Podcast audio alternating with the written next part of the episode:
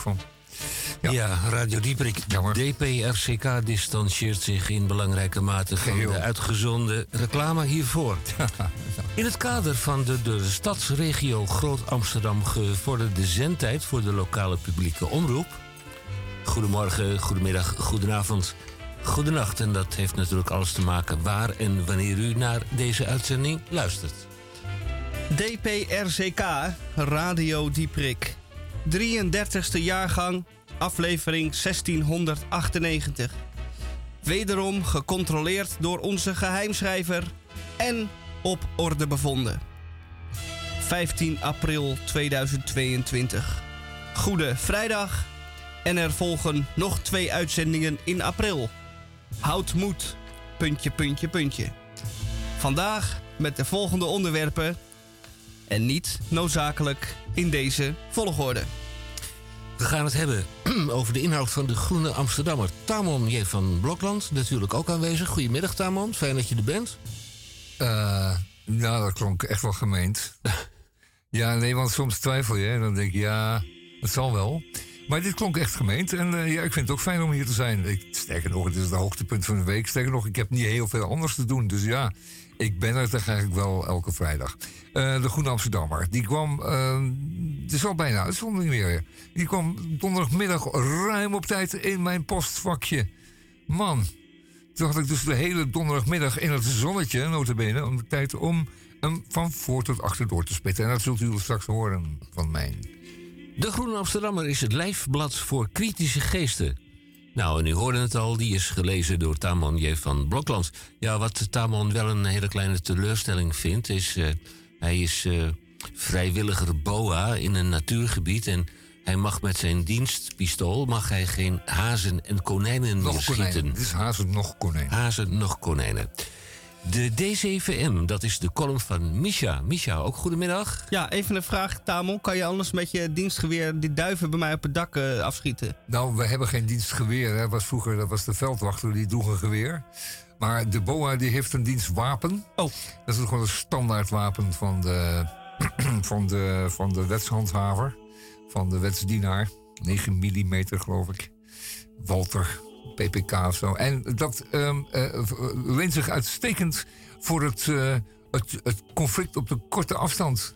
Ah. Dus een paar meter is het allemaal fantastisch, maar... Nou, dan gooi je eerst wat rijst op de grond. aan de roos, dat kun je wel zeggen. Nou, dan gooi je even wat rijst op de grond, komen al die duiven zitten en dan... En dan kun je ze van een afstand van ongeveer anderhalve meter... Uh, maaien ze allemaal Maaien ze gewoon met, uh, met die dienstkogel, stopkogel, maaien ze neer, ja. Graag. Die kogels die slaan dan door de duif heen de stoep op. En dan komen ze terecht in de muur van een kinderkamer aan de flat aan de overkant. Oh, of een toevallige voorbijganger. Bijganger kan ook, ja. Dat geeft ja, allemaal niks. Ja, nee, dat geeft niet dat die duif er maar aangaat. Dat is, dat is het belangrijkste. Duiven, zeg je? Duiven. Een beschermde diersoort. Ach, want nee, helemaal niet. Het is helemaal geen beschermde diersoort. Um, uh, het is niet de bedoeling dat je daarop gaat schieten, uiteraard. Ik maak maar een grapje, uiteraard. Boa's zijn helemaal niet bewapend met dienstpistolen. Godzijdank niet. Anders zou het een bloedbad worden hier in de stad. Nou, duiven toch daarentegen... Duiven daarentegen... Uh, gelden als uh, ongedierte uh, terecht. Want dat is natuurlijk geen, niet de, duif die we kennen zoals vroeger. We kennen niet de duif als berg- of bosbewoner. Uh, we kennen de duif alleen maar als patat. Vretende, schijtende, vliegende rat. En hij veroorzaakt bijna in alle gevallen overlast. Het is maar zelden dat u een duifje, dat u en uw duifje elkaar zo lief vinden dat het iets wordt, worden kan worden kan, zou kunnen worden. Uh, ze worden soms wel eens uh, losgelaten met tientallen tegelijk uh, bij, een, bij een bruiloft of een ander jubileum.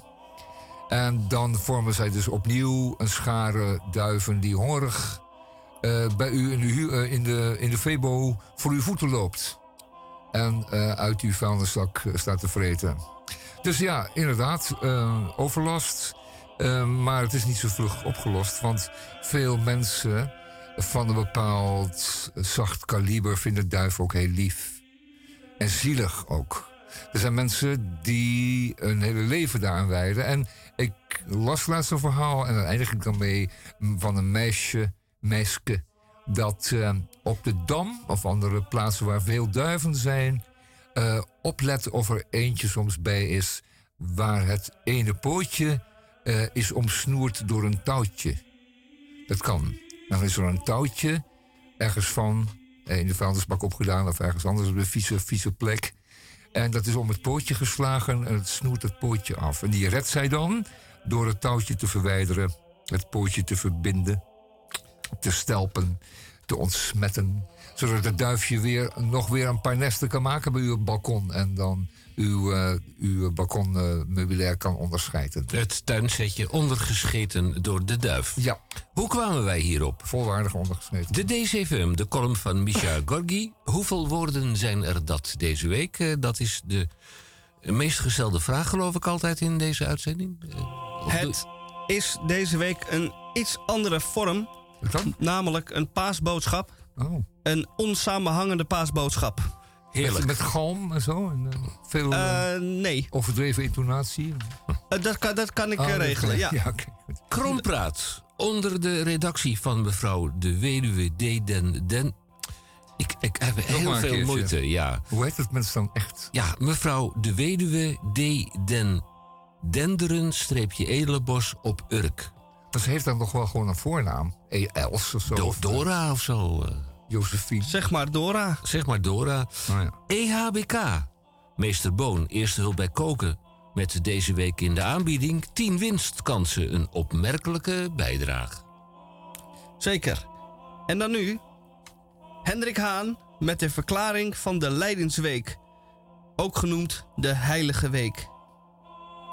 Overigens zenden we uit volgens het protocol van de Canarie in de kolenmijn.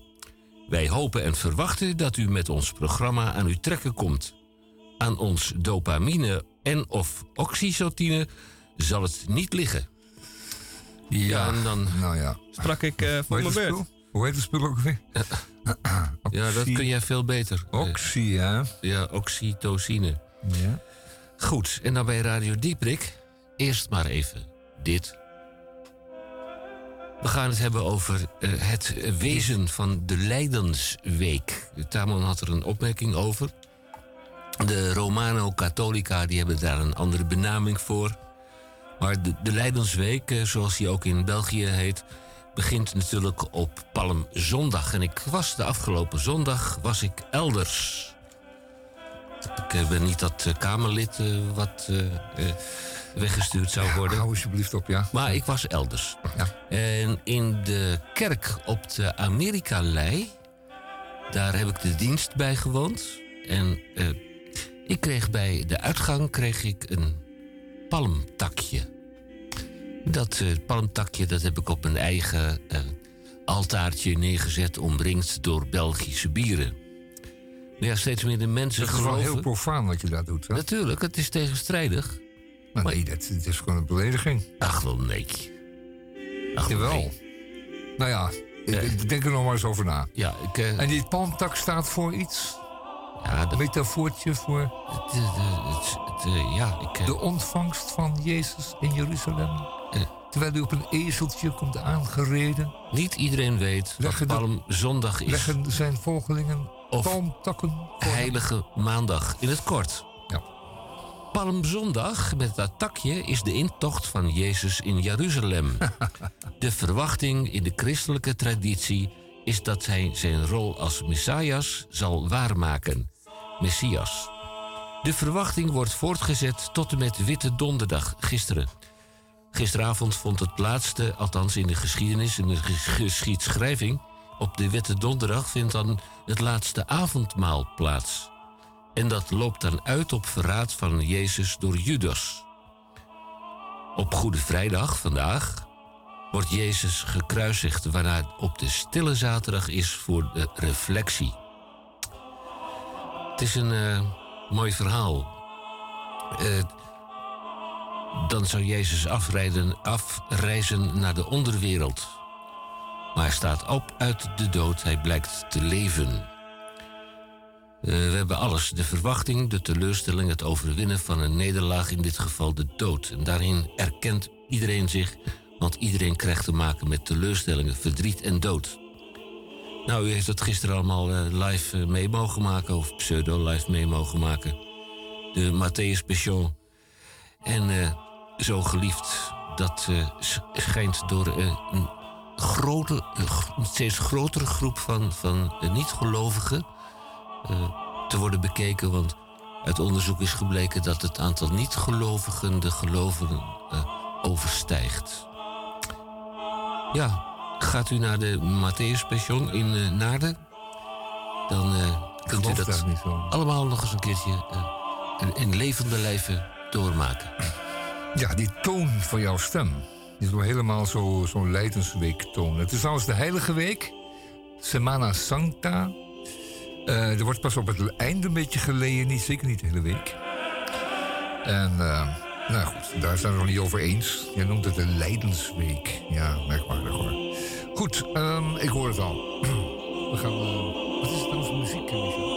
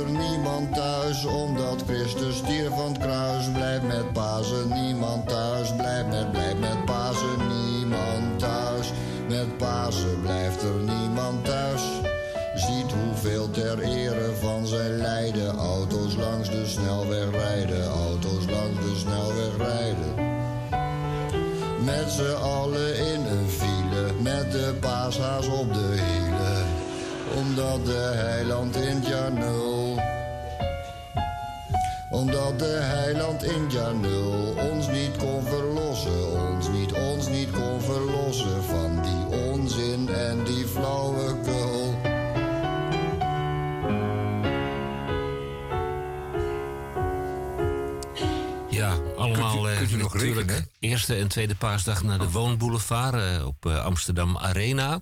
Eerste paasdag? Ah, natuurlijk. Ach, ach wat maakt het je uit? Ze zijn allemaal open. En het outletcentrum in Halfweg, ook ja. zo'n zo'n koopfuik aan, aan te bevelen. En, ja. en de koopgoot in, leuke dag, in Rotterdam natuurlijk ook, ja. Ja. Ja, niet te versmaden hoor, want dat leidt zo de aandacht af van waar het werkelijk om gaat. Nou, het, is, het gaat net als een generatiekwestie. Is dat zo? Ja, ja, ja, ja. Uh, ze worden postboomers genoemd. Uh, ze zijn uh, de, de X-generation. En wat was het nou met die X-generation? Ik praat een beetje van de microfoon weg. Die, dat zijn, dat, dat, dat zijn doorgedraaide consumptiezombies. En dat zijn ze nooit anders geweest. Dat kan ze helemaal niet schelen. ze halen hun, ouders, hun schouders op. Eh, onbegrepen door het leven. Als een nietsnut die schokkend door het leven gaat. Alleen in zijn kamer, onbegrepen. Uh, ze waren een beetje vaag en melancholisch. En, en die is nu groot geworden, die heeft nu geld. En die, die komt naar die, uh, naar die eerste paasdagfestiviteiten, zoals die uh, koopgoten, waar jij net noemde. Zoals je dat opleest, lijkt het wel poëzie. Ja, dat lijkt het ook wel. Maar nee, maar het is de harde werkelijkheid. Ja, zeker. Oh. Ja. Ja, ja, ja, ja, ja. Dat, is, dat wordt een. Uh, ja, dat staat in de groene, dat stuk hoor. Uh, dat gaat over jong zijn. Althans, een tijd geleden, toen, toen ze nog jong waren. Het is die generatie die ergens zo. Uh, in de tachtiger jaren, vroeg tachtiger jaren zo. Enfin, die moeten nou toch wel een beetje een salaris hebben. En dat klopt ook wel. Je kon nu een mooie loungebank kopen op eerste paasdag. In de hoop dat die in de kamer past. Ja, bij Seats en Sofa's. Vandaag besteld, uh, vandaag nog in huis. Ja, want in zo'n meubelhal, waar al die sofa's zijn opge opgesteld, lijken die dingen allemaal klein omdat die meubelhal zo gigantisch groot is. En dan koop je zo'n ding? Ja, en, dan, en dan, dan past die al helemaal niet in de lift. No way. Dan moet de zaag er al in. Komt die uh, in stukken in je kamertje terecht, dan past die ook niet in je kamer. Want die is toch weer kleiner dan je dacht dat die zou zijn. Dus ieder stuk moet dan in, in een aparte kamer? Ja, er staat nog wel meer in je kamer. Natuurlijk moet nog een eetkamerset erin. En er moet nog een, een televisiemeubel. Dus dat past nooit. Nooit. Ja, dat is het probleem van tweede pasdag. Fijn, eh, we kunnen lekker, uh, lekker lui doen daarover, want we hebben die problemen niet. Uh, wat was er nog meer aan de hand? Ja, 8 bij 11 meter, de woonkamer. En, ja, en dan jouw lounge, lounge set. Ja, ja misschien heb je een vriendje bij de brandweer. Dan kan hij naar, door de brandweer naar binnen gehezen worden. Ja, vermits je natuurlijk je ramen voldoende groot zijn. En dat is ook maar de vraag natuurlijk. Schuifbe. Schuifbeetje. Schuifbe. Daar moet je wel aan denken dan, ja. Ja. Nou, dat is verder ons probleem niet. En wij zijn niet van die generatie, wij denken eerst na. Hè, Henk? Hè, Micha? Nou, ik ben wel van die generatie, oh. maar ik heb dan weer geen geld voor een seats en sofa. Oké, dan, lost het, dan lost het zich helemaal vanzelf op. Ik heb wel geld voor campingmeubels. Die kun je gewoon opklappen, dus dat is makkelijk. Dat zijn de zogenaamde klapmeubelen die makkelijk achterin de kofferbak gaan. Gewoon vier stoelen, tafeltje. Waar zit jij dan op als je je schuf naar de achterkant opent... en in jouw tuintje, dat depressieve tuintje van je... Nou, die wordt steeds minder depressief, want die is uh, aangeharkt. Ah. En de hoveniers uh, komen uh, binnenkort. Die komen dat voor jou doen? Ja, daar hebben. Uh, denk, tuinlieden Ik denk anderhalf jaar. Ehm, ja, ik moet even verklaren dat het een, een, gezamenlijke binnentuin is. Oh ja. Dus we betalen met z'n allen een beetje geld, zodat de hoveniers daar zaadjes met bloemetjes. En die er stonden, die zijn allemaal geruineerd door de anderhalf jaar durende uh, gevelrenovatie. En de stijgers oh, en de... Dus dat is eigenlijk een beetje goed magerij. Lomp, lom, uh, lompe bouwvakkers die er doorheen uh, geschokt hebben. Ja, maar wel de gevels mooi, ge, mooi gerenoveerd hebben. Maar nu is het dus kaal en omgeploegd. En dat biedt nieuwe kansen. Hè? Never waste a good crisis. En dat geldt ook voor de binnentuin. En ik weet waar jij de boodschappen doet. Om de hoek, bij die rode winkel. Maar dat doe je helemaal verkeerd, man. Want je moet naar die blauwe winkel. Want als je 15 euro aan boodschappen uh, besteedt, dan krijg je daar een bloementuintje bij. Bij de Groot Grut. Ja, een grote mensenvriend. De grote mensenvriend, ja. Die op de kleintjes blijft passen. Maar ik kan u uh, mededelen dat dat voor uh, de kinderen is. Ja. Want dat anderhalve zaadje wat er in zo'n bakje zit... nou, daar red je het niet mee in de tuin. Dan kunt u beter naar de fatsoenlijke planten- en bloemenwinkel en daar echte uh, uh, dingen kopen voor in de tuin. Ja. Want dit speelgoed is voor dat meer je dat opkweken maar over aan de kweker. Die kan dat. Dat is een andere leverancier van voedsel. Nee, ja, nee, de kweker dus. De bloemenkweker. Die doet dat nou uit een zorgvuldigheid dat het een flinke, flinke plant is en die hart je af. En dan komt hij in het tuincentrum te staan en dan kunt u met enig succes uh, dat ding zelf planten of uh, plaatsen. Maar die bloementuintjes onzin is inderdaad alleen maar voor kinderen. Dat is om het, om het raadsel van de natuur te, uh, te, te, te, te, tonen aan, aan, aan kleine kinderen. Zo, kijk, een zaadje, een bloemetje. Dan krijg je er nog een bijtje kleurenplaat bij. Kleurenplaat over in te kleuren. Bij. Ah, ja. kijk. Maar nou genoeg uh, klets over die uh, samen. We gaan wat muziek draaien. En wel van... Van Walter Ferguson. Het is een nogal... Walter Ferguson. Ja. Ja. Lid van de koninklijke Broer van? Broer van? Zeker niet. Oh. Het is nogal interessant. Eh, de titel is Lock Up Me Neighbor. Oh. Dus. Die. Ja. Nou, vooruit dan maar. Bij deze. Should I do me the favor? Say I'm call the policeman. I want to lock up me neighbor. Neighbor doing the things I can't understand. I say you shoulda lock up me neighbor. Neighbor wanna kill the Calypsonian. Lock up me neighbor. Neighbor wanna kill the Calypsonian.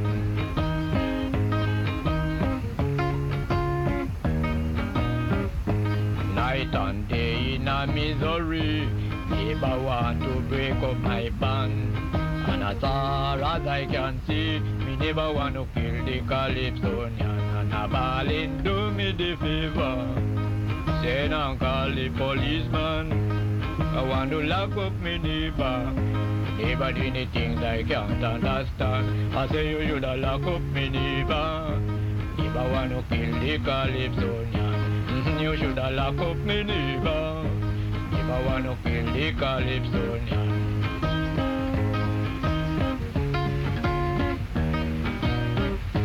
Mother said a word and I know it's true.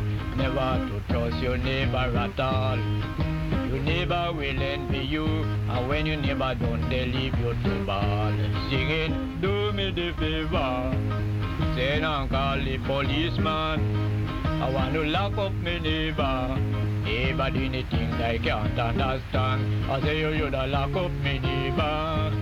If I want to kill the Calypsonian, you should have lock up me neighbor. If I want to kill the Calypsonian.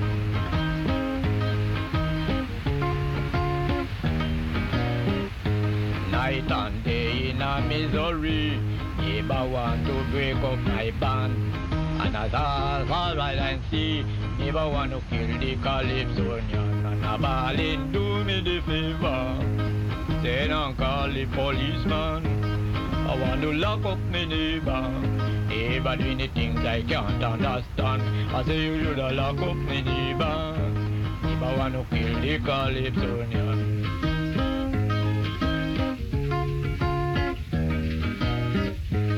You should do me the favor. I call the policeman. I want to lock up my neighbor.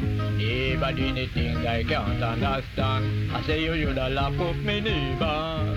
Neighbor want to kill the Calypsonian. Mm-hmm, you should lock up my neighbor.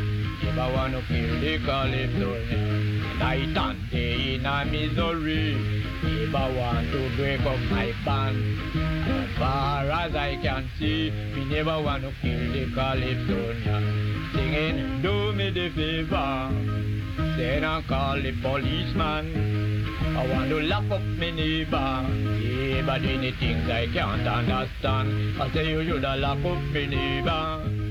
If I want to kill the Calypsonian, I say you should lock up my neighbor. If I want to kill the Calypsonian.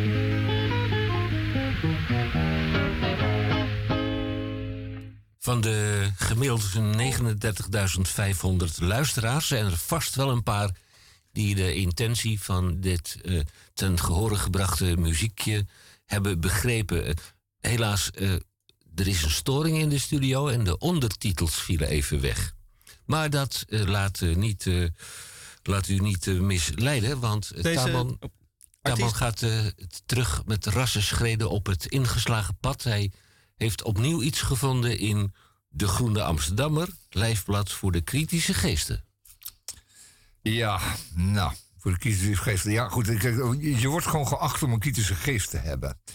En dat is een opdracht. Dat dien je gewoon te hebben. Als je er kunt nadenken, dan kun je over alles nadenken en dan kun je alles eh, voor je leggen en, en je kunt dat eh, beschouwen en dan kun je zeggen, nou, dat ene spreekt me aan of dat lijkt me niet waar of het lijkt me maar gedeeltelijk waar. Kortom, eh, kritisch moet je altijd blijven en zijn. Daar worden we in opgevoed. dat is de vrijheid die we hebben. neem ik kwalijk.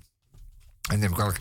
dat is de vrijheid die we hebben om alles kritisch te beschouwen. En dus ook de politiek en de toekomst en het verleden, de kunst de literatuur zoals ehm, De Groene dat elke week weer doet. Hij was op tijd deze keer, blij mee, want had ik lekker eventjes tijd om hem even door te spitten.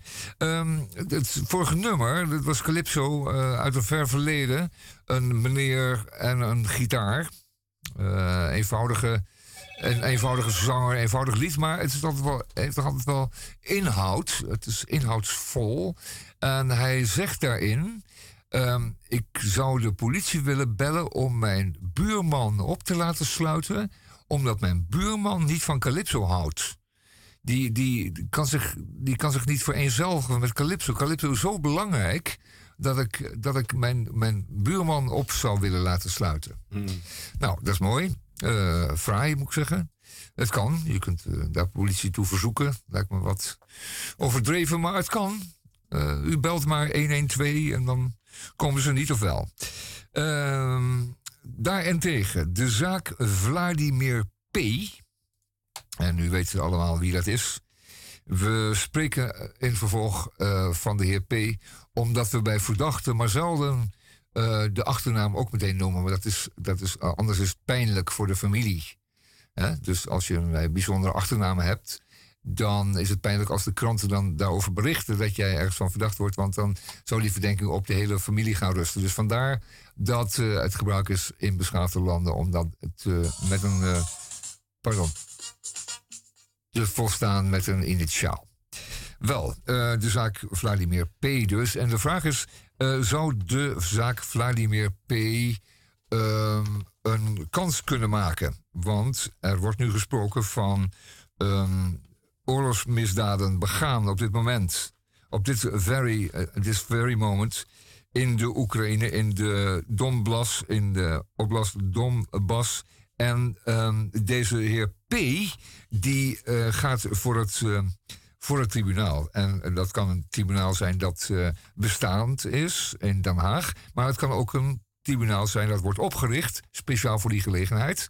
Um, zoals het in de tijd in Nuremberg zo gegaan is. Dan, dan, dan gaan de overwinnaars, die zichzelf aan de goede kant vinden staan, degene berechten die waarvan zij vinden dat die de aanstichters waren van alle ellende. En oorlogsmisdaden hebben begaan volgens conventies van, uh, van uh, Genève en dergelijke. Alle afspraken die er in het verleden zijn gemaakt. Omtrent oorlogsvoering. Want dat was uh, een herenzaak vroeger, zoals u weet. En het was zeker niet gericht op de burger, maar op de andermans legers.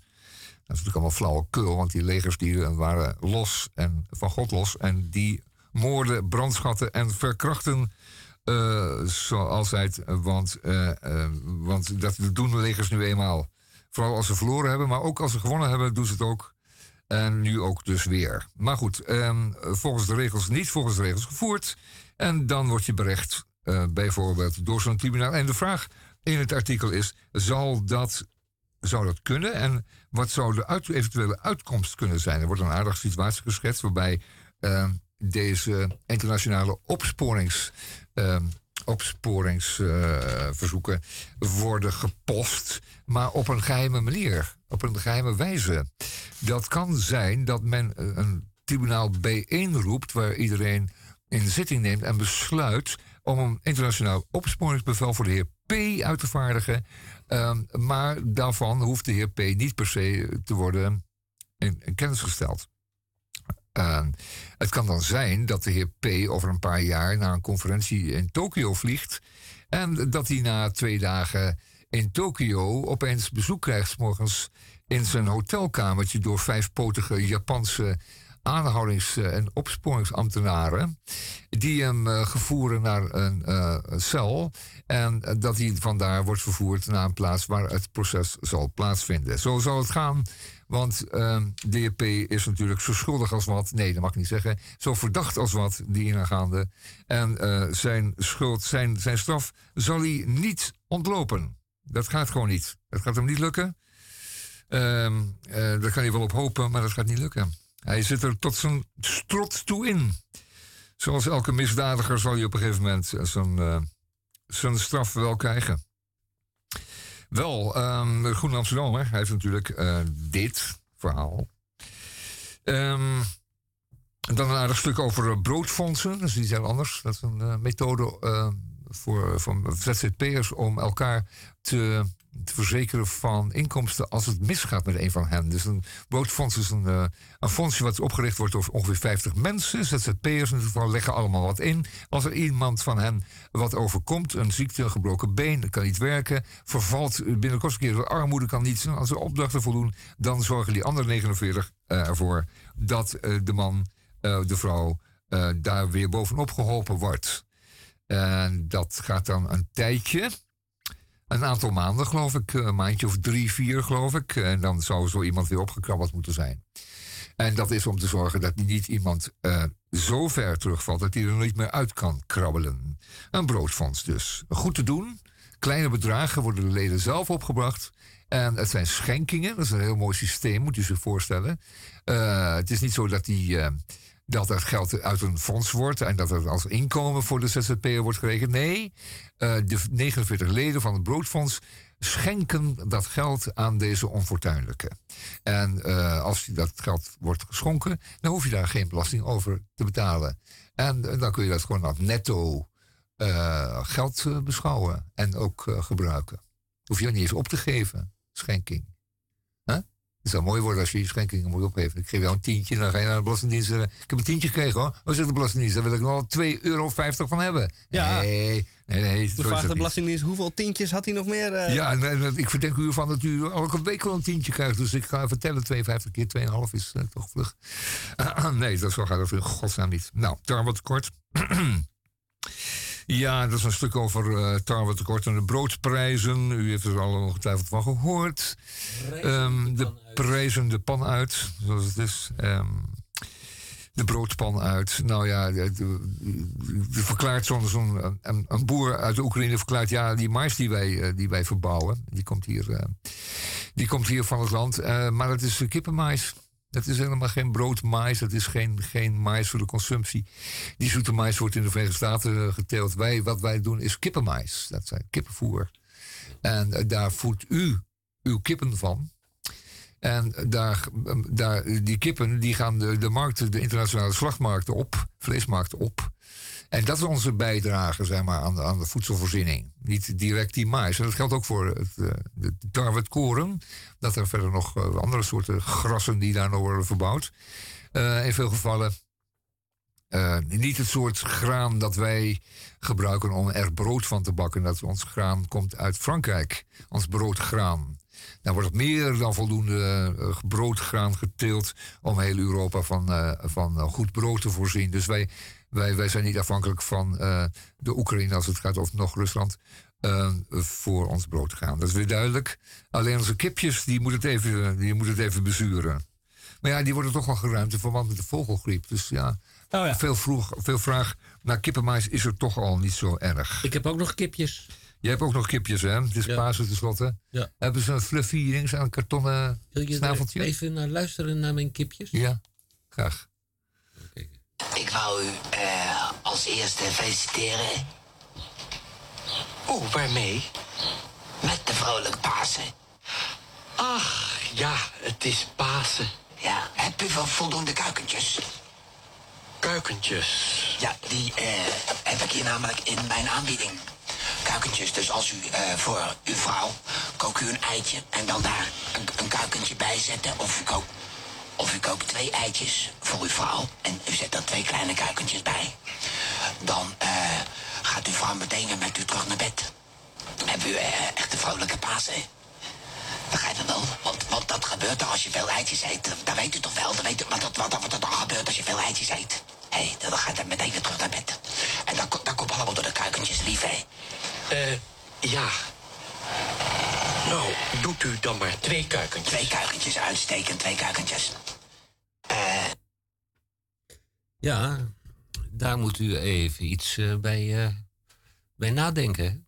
Nou ja, dit is een sketch van, uh, van uh, Coat en de Bie. Ja. Kloten en de Biel, zoals wij vroeger zeiden. Ach, toen je ja. nog onder oudere ja, stond. Ja, toen je nog een kuikentje was. Ja, een kuikentje. En dit is een, inderdaad een prachtig scène.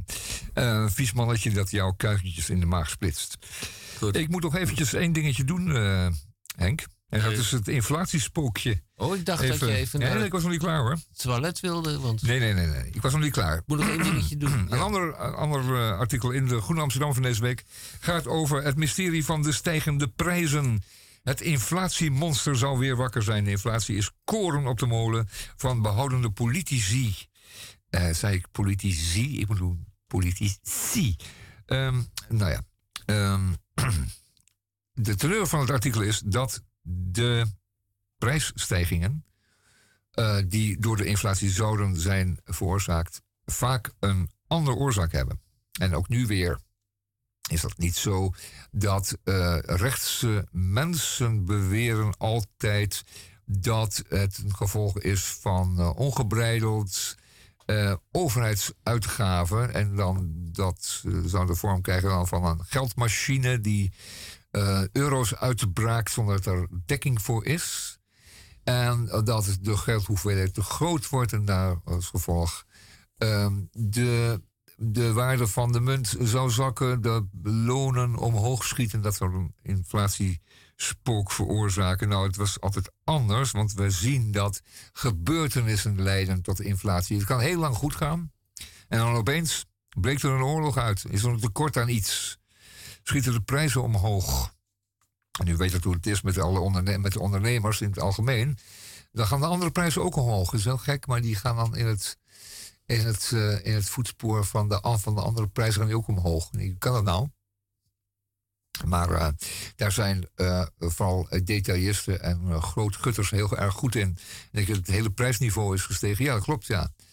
Maar waarom dan die chocolademelk ook duurder geworden is, dat weten we dan. Maar het is allemaal, ja, het is allemaal duurder geworden. Hè? Nou, lees dat stuk in uh, Groene Amsterdammer over de inflatie. Van de hand van Koen Hagens. Ik, ik ben er wel een beetje klaar mee nu. Vind je het erg, Henk? Want nou. ik zou nog iets over Pim Fortuyn moeten zeggen. Want een heel lang stuk over Pim Fortuyn en de Groene Amsterdammer. Twintig jaar geleden? ja. ja, dat is twintig jaar geleden nu. En die eikel is dus inderdaad eh, twintig jaar uh, geleden overleden. En dat is maar goed ook, want anders had hij nog oh. een tijdje uh, minister-president geweest ook. En hadden we daar weer hele dikke groenes over gehad, over die ellende. Maar dat is gelukkig niet gebeurd. En waar het nu eigenlijk op neerkomt, dat hele lange artikel, is uh, het volgende. Dat, deze anekdote onthoud ik u niet. Uh, Pim Fortuyn is actief in de P van de A. In de jaren van uh, Den Uil. Joop Den Uil. En um, is, is dan een, een young and rising intellectual uit Groningen of daaromtrent. En uh, komt op een gegeven moment zelfs bij uh, Den Uyl Joop op uh, audiëntie. Dat mochten wij niet als, als, als PvdA-leden toen, maar hij Pim dus wel. Die lulde zich overal naar binnen, blijkbaar. En vraagt dan op een zeker moment aan Den Uyl... En Den Uyl, hoe ziet u mijn toekomst in de PvdA?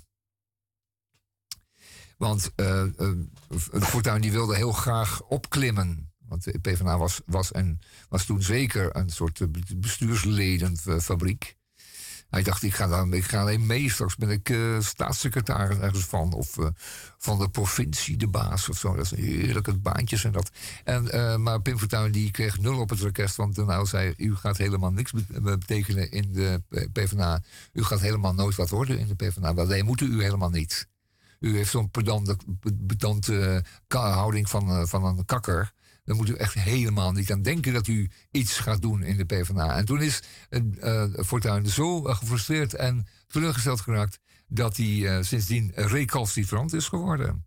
Het was natuurlijk gewoon een teleurgestelde, heel erg teleurgestelde en verdrietige kakker. Pedante kwast. Een homo-kakker. Nou ja, dat woord homo, dat is helemaal voor jou. volgens mij was hij helemaal niet homoseksueel hoor. Oh nee? Nee. Nou. Nou. Als je, zijn, uh, zijn eigen boek leest. Ja, uh, natuurlijk, man. Zijn memoires. Ja, natuurlijk. Dat, dat vindt er niet allemaal uit. Het is een pedante kwast. En, uh, en, en, hij heeft gelukkig, hij heeft gelukkig niet, veel, niet veel ellende kunnen veroorzaken. Zullen we maar zeggen. Hm. Enfin, dat was het. Groen Amsterdam van deze week. U gaat een liedje. nu maar een heel klein beetje liedje. bijkomen van alle emotie. Ja, want ja. jij leest dat voor alsof je het nou geweldig vindt. En nou, het is ook geweldig. Ja, want uh, het lijfblad voor de kritische geesten. En ja, dan wil ik er toch nog een keertje een opmerking over maken. had ik dat niet mogen zeggen over Jawel, Dat is natuurlijk een held van kijk, het zijn, uh, het zijn dingetjes die ook oh. andere media uh, hebben gebruikt. Oh. NRC Handelsblad, Slijpsteen voor de geest. Ja, ook prachtig. Ja, een beetje literair. Inderdaad een beetje deftiger. Ja, ja typisch NRC. Wat thuis. Gooi eens toe. Op naar de nul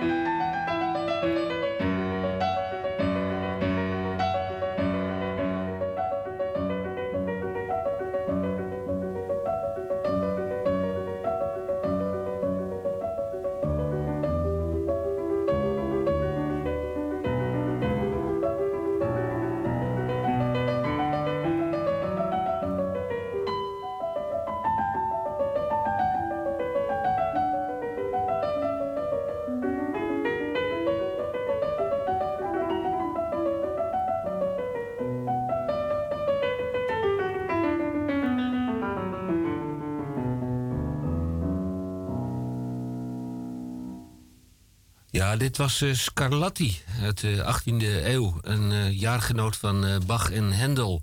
Barok. Scarlatti, de lievelingscomponist van wijlen Julius Visjager.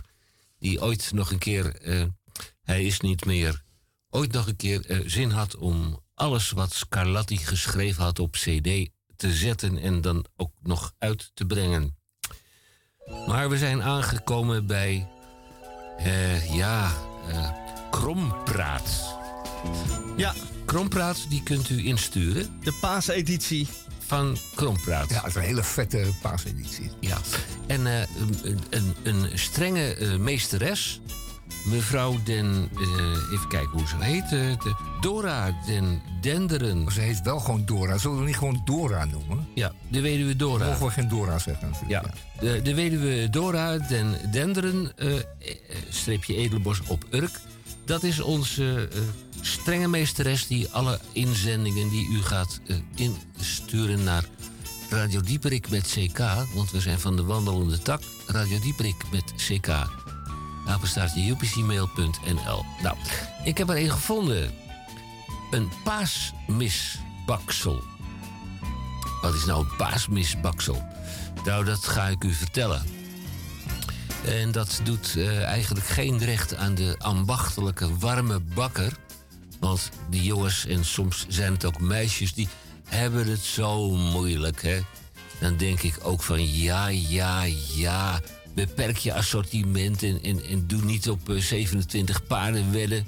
Dat doen we hier in de politiek wel, hè? 26 uh, eh, eh, partijen in de Tweede Kamer of zo. In Amsterdam, de politiek, die kan er ook nog wat van verwachten. Den Haag doet het gewoon veel beter, hè? Die hebben de grootste overwinnaar van de politieke beschouwingen en de, de, gemeenteraadsverkiezingen. Die meneer De Mos. nou, die had 16 eh, zetels of zo had hij binnengehaald. Nou, die hebben ze gewoon links laten leggen. Dat vind ik eigenlijk wel. Maar terug naar paasmisbaksels. Ja, goed. Geen medelijden met die warme bakker die zichzelf overschat. Want een stol kost daar gemiddeld 30% meer dan bij grote mensenvriend die blauwe. En ook de Lidl. Uh, die doet in de aanbieding. En dan heb je ook nog die man uh, met die plastic uh, tassen, met die rode, rode plastic tassen met een witte opdruk. Die pakken het heel anders aan. Die denken groot, massa is kassa. Dus wat hebben ze nou gedaan? Ze hebben die paasmisbaksels van die warme bakker... die hebben ze dus uit de markt geconcureerd.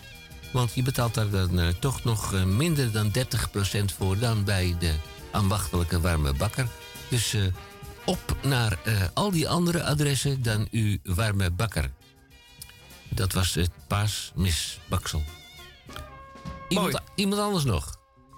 ja, ik wilde graag ook één doen. Het kan nog even. Uh, en mijn woord is non de Judas. Non de Judas? Ja, non de Judas, non de Ju, uh, non de, de Dieu. Uh, dat is een, een, een, een, Belgisch... Nee, het is een Franse vloek. Non de Ju. Uh, in dit geval is het de, non de Judas. En een Judas, dat is een verraaier, zoals u weet. Hè? Judas, die zou uh, de Christus hebben verraden. Hij kreeg daar in ruil voor 30 zilverlingen. En dat bezwaarde zijn gemoed uiteindelijk dan toch zo... dat hij zich het leven benam aan een tak van een boom. En dat zal wel een olijfboom zijn geweest in de geest der tijd. Nee, dat denk ik weer niet, want een olijfboom is er niet zo geschikt voor. Het zou wel een ander soortige boom zijn geweest, een acacia. Nou, nou gaat het weer helemaal de verkeerde kant op. Non de Judas. Die man, die Judas, daar zijn steeds meer en uh, andere narratieven over in omloop. Uh, het wordt zo langzamerhand duidelijk dat het leidersverhaal, of eigenlijk we zeggen uh, het hele Nieuwe Testament het uh, verhalen nodig hadden met een kop en een staart en een betekenis en een, en een, en laten we zeggen, een moraal. En dan als er een hele goede, net zoals met een goed Hollywood verhaal, als je een hele brave hebt, moet je ook een slechterik hebben. Want anders komt dat brave niet goed uit, uit de verf. Dat, is vaker, dan geef je de ene geef je een zwarte hoed, en de andere een witte. En, en, en revolvers met witte handgrepen. En uh, die wint dan. En dan is het, heeft het goede weer, uh, heeft, heeft dan weer gezegevierd boven het kwade. En, het lijkt er steeds meer op dat men in de tijd een Judas nodig had om het brave, blanke en onschuldige van de Christus uh, te, te, illustreren, te versterken. dat, werkt nu eenmaal zo in, een verhaal.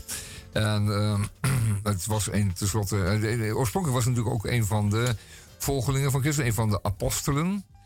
Uh, hij was een zeer toegewijde apostel, naar het schijnt. En waarom zou de man dan opeens tot verraad overgaan? En zich nog laten betalen ook, voor een handvol geld, een handvol, handvol munten.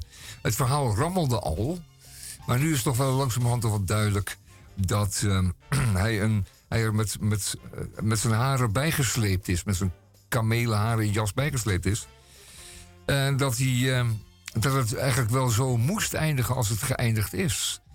Uh, die Christus was tenslotte een opstandeling in de ogen van de autoriteiten. Vooral van de plaatselijke bewoners.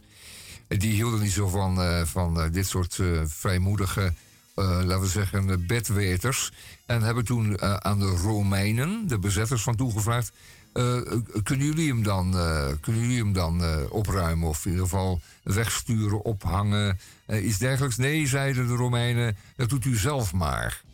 En uh, ja, toen, toen is die verordening eigenlijk vanuit, vanuit de, de, de Joods-plaatselijke hoek gekomen. En de Romeinen hebben dat uitgevoerd zoals ze dat gewoon deden om, om, om laten we zeggen, uh, aan, de, aan de wil van de bevolking tegemoet te komen en ook om er zelf van af te wezen. Het is eigenlijk niet zo'n fraai verhaal, achteraf beschouwd. Terwijl het wel een verhaal is wat de halve wereld bezighoudt. Waar mensen echt door geroerd worden. En wat veel betekent voor heel veel mensen. En zeker de paastijd. Met zijn dramatische lijdensweg. Alvorens de Christus ook inderdaad uh, weer opstaat. Is een uh, zeer, laten we zeggen, een zeer impactvol verhaal. In deze Netflix-tijden. Dat zag u ook gisteren op de tv. Huh? Niet waar? Uh, uh, Golgotha, the musical. Eigenlijk een beetje gênant. En hoor ik daar onze grote King op de achtergrond? Ja, die is ook in de paasferen. Ja. Tot de tweede uur.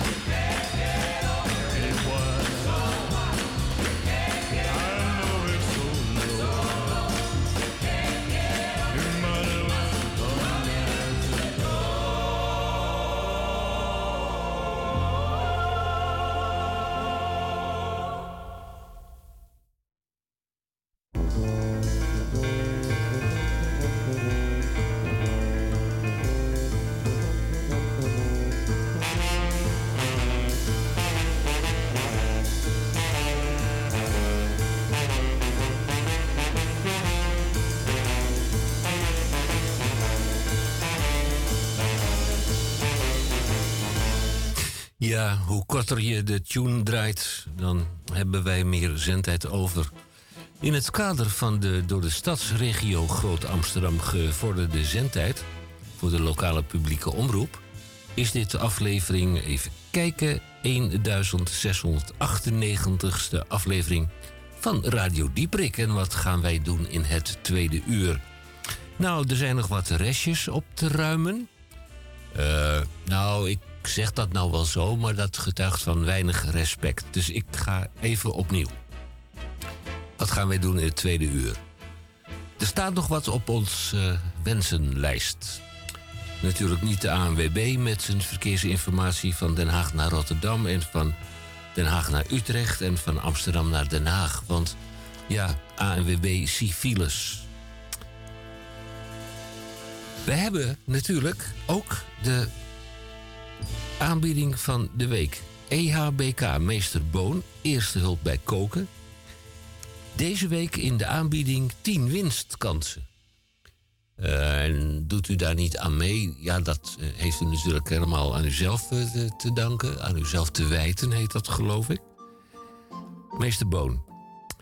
Deze week in de aanbieding 10 winstkansen. En natuurlijk een opmerkelijke paasbijdrage. En daar komt het getal 100 in voor. En dan hoor ik u denken, het getal 100, is dat symbolisch? Nee, dat is niet symbolisch. Is het een verspreking van meester Boon? Nee, het is geen verspreking van meester Boon. Maar ik zou u toch dringend willen adviseren om heel erg scherp en kritisch te kijken, te luisteren naar datgene wat meester Boon te vertellen heeft. En dan een eh, bijzondere DCVM. Dat staat voor de column van Misha, Misha Gorgi. Hoeveel woorden? Nou, dat uh, is eigenlijk verder niet zo uh, van belang, want het is een wat ja, ongeregelde column. Uh, maar het snijdt wel hout. Snijdt met DT, is dat zo? weet ik niet. We hebben natuurlijk ook gehad een aantal afleveringen van een aantal afleveringen van de Krompraat. Ach, wat kunt u nog meer van ons verwachten? Uh, de Groene Amsterdammer die hebben wij terzijde gelegd. Dat uh, is nou wel genoeg geweest.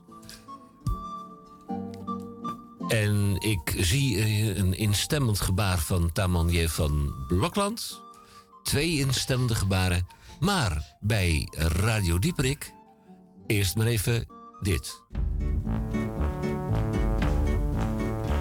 Tot christendom op aarde kwam en ieder mens het recht nam om zo te leven als hij dacht dat goed was.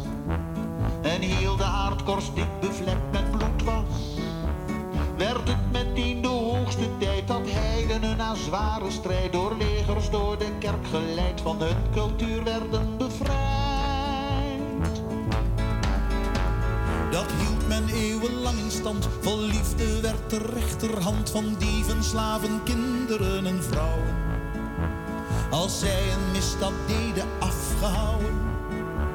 Men zorgde voor een schuldcomplex wanneer je rondliep in iets geks. Of je te buiten ging aan seks. Je stond al snel bekend als heks.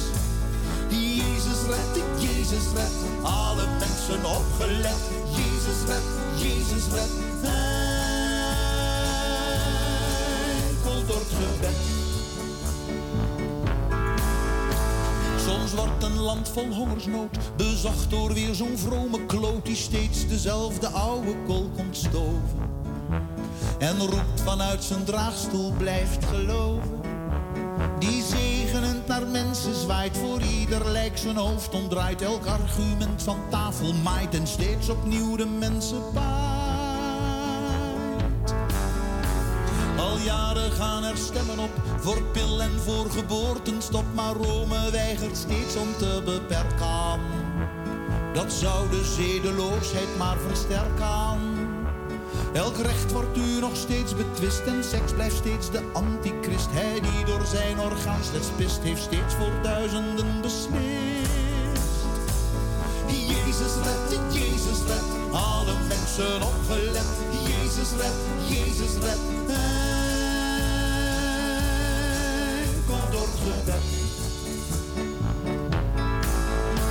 De wereld kraakt aan alle kanten en grote delen staan in brand. Je zou dus zeggen, helpt het onheil weer. Gehuichel moeten wij de rug toekeren. Maar niets daarvan vergeet het, maar het is Boeddha hier, Jehovah daar. Men draaft getuigend door elkaar en heeft de oplossing al klaar. Jezus red, Jezus red, alle mensen opgelet. Jezus red, Jezus red.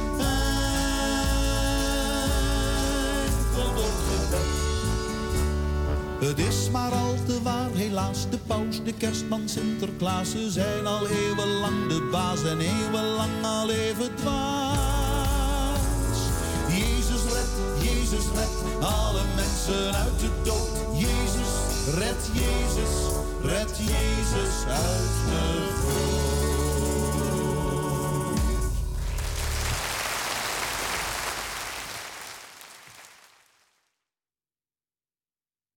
de Robert Long, ja. Waar ik uh, heb naar staan kijken toen hij dit lied schreef in de Amsterdamse staatsliedenbuurt. Het is misschien niet zo proper, zoals wij in Vlaanderen zeggen, om dit gezang uh, hier ten gehore te brengen, maar wij zijn tenslotte toch een wat uh, merkwaardige zender. En klopt het nu allemaal, Tamon, de ad interim van dienst? Ja, bij Radio Dieprik. We hadden het al in het eerste uur over wat is nou het wezen van de Pasen. De Leidensweek, ook genaamd zoals jij dat benoemde. De Heilige Week. De Heilige Week. Ja. Ja, en eh, steeds minder Nederlanders geloven, en dat zullen ze het paasverhaal dan ook wel niet kennen, want minder dan 50% gaat ter kerke. Alleen het is natuurlijk wel zo dat met de Pasen en de Pinksteren en met de kerst de kerken wil weer uh, als moderne aflaat overvol zitten. Ja, het begon allemaal vorige week. Nou, is, is, dat nou zo? Want die kerken zitten natuurlijk niet vol. Dus er worden steeds vaker kerken gesloten. Kerkgemeenschappen worden steeds kleiner. Gemeenten worden steeds kleiner. Er zullen altijd wel, nou ja, goed, eh, voorlopig zal het nog wel even aanblijven. Maar inderdaad, die de communale geloofsbeleidenis neemt in de westerse wereld gewoon überhaupt overal af. Het is in, in, in Spanje, in Zuid-Europa al heel lang zo dat er niet meer gekerkt wordt buiten de feestdagen en buiten, eh, buiten de dagen van uh, belang, zoals geboorte en bruiloften en overlijdens. Dat, dat, dat, is, dat speelt al helemaal niet meer zo. Dat zal ons voorland ook zijn. Ja, en dan zijn er nog oprukkende religieën. Uh, ja, natuurlijk een Waar twee partijen in Nederland zich nadrukkelijk over uitspreken. Die zijn er ook. Ja, het, die zijn hier naartoe gekomen, die zijn ons vreemd. En die zullen wel even blijven. Maar die betekenen op den duur dan ook steeds minder. Maar goed. Omdat het al hele gevoel anders wordt. We gaan het hebben over de... We gaan het hebben over de... De Romano-Catholica, want uh, die hebben dan natuurlijk uh, de Palmzondag. Dat, ik was in Antwerpen in een basiliek en daar kreeg je bij de uitgang een palmtakje. In het kort Palmzondag, dat is de intocht van Jezus in Jeruzalem. De verwachting in de christelijke traditie is dat zijn rol als Messias zal waarmaken. Die verwachting wordt voortgezet tot en met Witte Donderdag, dat was gisteren. Want dan vindt het laatste avondmaal plaats en dat loopt uit op het verraad van Jezus door Judas.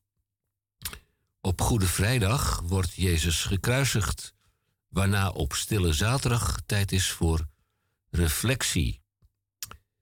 Ja. En dan komt de culminatie in de paasdag. Dat is namelijk dat het moment, moment dat iedereen duidelijk wordt, of duidelijk gemaakt zal worden, dat Jezus dus niet dood is, maar opgestaan is uit de dood. Want dat is het hele verhaal van Pasen. Dat het dus geen einde heeft gekregen, maar dat het slechts een begin was. En het was ook inderdaad het beginverhaal, het oerverhaal van het christendom geworden. Uh, dat er dus een leven is na de dood. Dat het maar een tijdelijk verblijf was van de zoon van God op aarde. Die had zijn zoon afgevaardigd om dat te doen, dat, uh, dat te verspreiden. En daarna weer opgenomen te worden in, in, in de hemel. Dat is een tijdelijke baan. Beetje dan, uh, een beetje moet je meer denken aan Randstad. Het is een tijdelijk, tijdelijk dienstverband. Um, maar goed, het, het is het oerverhaal. Hè? Laten we wel wezen. En men heeft zich daar uh, zeg maar rondom geplooid in Europa. Dat is het geworden. Uh, vooral het christelijke verhaal. Het, uh, het Joodse verhaal is natuurlijk veel ouder. Heeft een veel oudere oorsprong. En dat is daarmee verweven geraakt. Het paste allemaal prachtig in elkaar. Het oude verhaal, het Oude Testament en het Nieuwe Testament daarbovenop. Het is allemaal in één reeks gegaan. Met als gevolg dat we nu een uh, judeo-christelijke beschaving hebben hier in, uh, in het Westen. Met alle varianten erop. Uh, Oké. Okay. Iets heel anders. Mag het, Henk? Hendrik geeft zijn toestemming. fijn, fijn, fijn.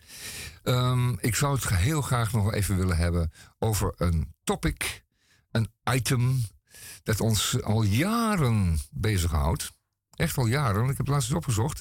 Drie jaar geleden hadden we het al over. Toen hebben we daar een aantal uitzendingen aan gewijd. En wel aan de sprong over het ei. Typisch Amsterdamse zaak. We hebben een uh, merkwaardige stad dat die aan het ei is gelegen. Waarbij de kern uh, aan de zuidkant van het ei, uh, laten we zeggen, is gevormd.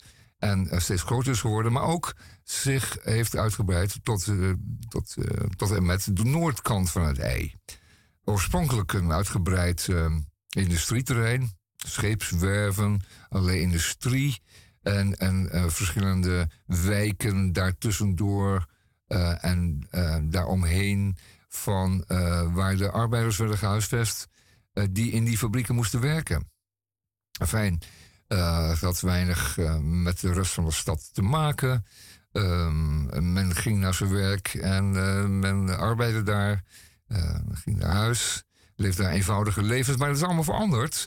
Want uh, Amsterdam-Noord blijkt nu een gewilde woonplaats te zijn, woonplek te zijn. Het woord plek gebruik ik dan minder graag. Maar goed, woonplaats te zijn. Uh, een stuk Amsterdam wat langzamerhand steeds verder gentrificeert. En waar mensen willen, graag willen en, en, gaan wonen. Wel, dat stadsdeel dat wordt dus steeds voller. En er zullen steeds meer mensen van noord naar zuid reizen over het ei.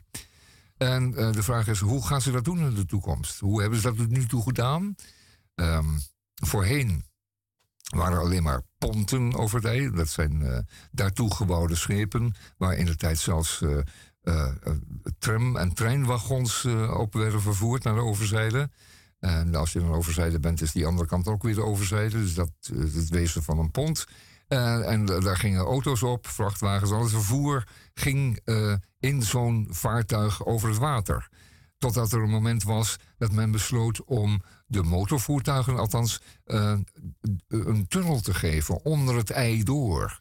En dat werd de eitunnel. En later zijn er meerdere tunnels onder het ei gekomen. De Koentunnels, um, de Zeeburgertunnel.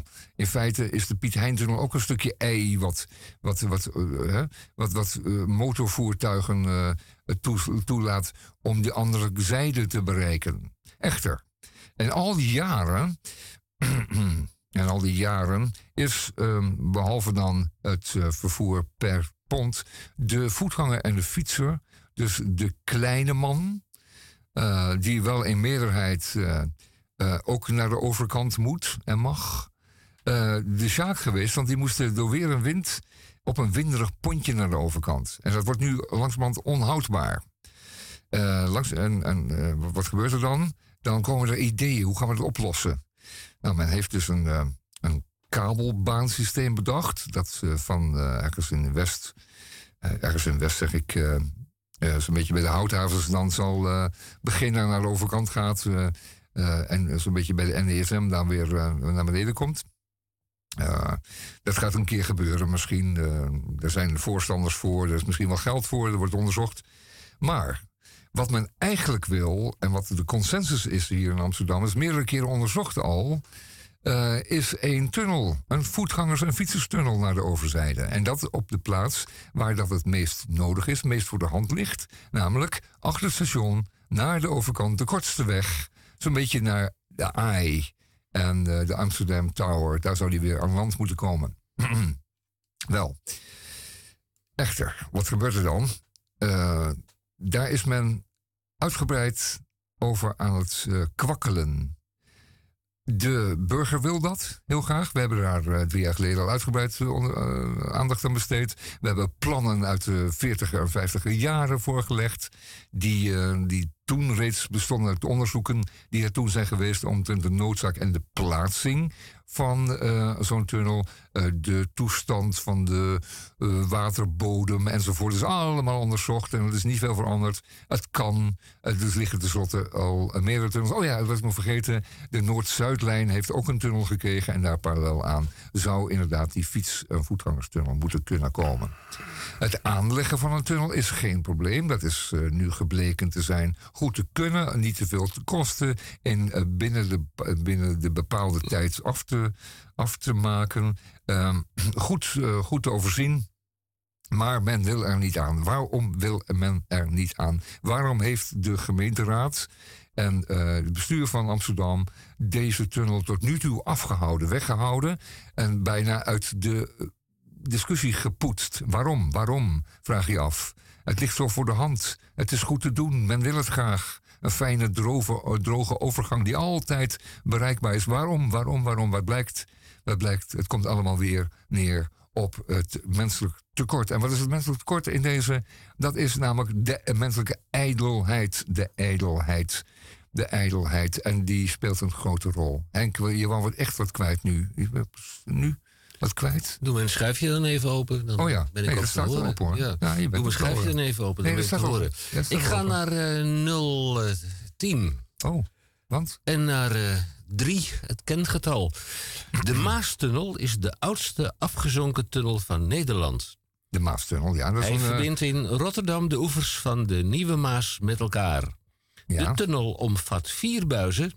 Twee voor de auto's, één voor fietsers en één van de voor de voetgangers. Ja, en dan komt hij. Zij hadden daar dan, destijds een uh, vooruitziende blik.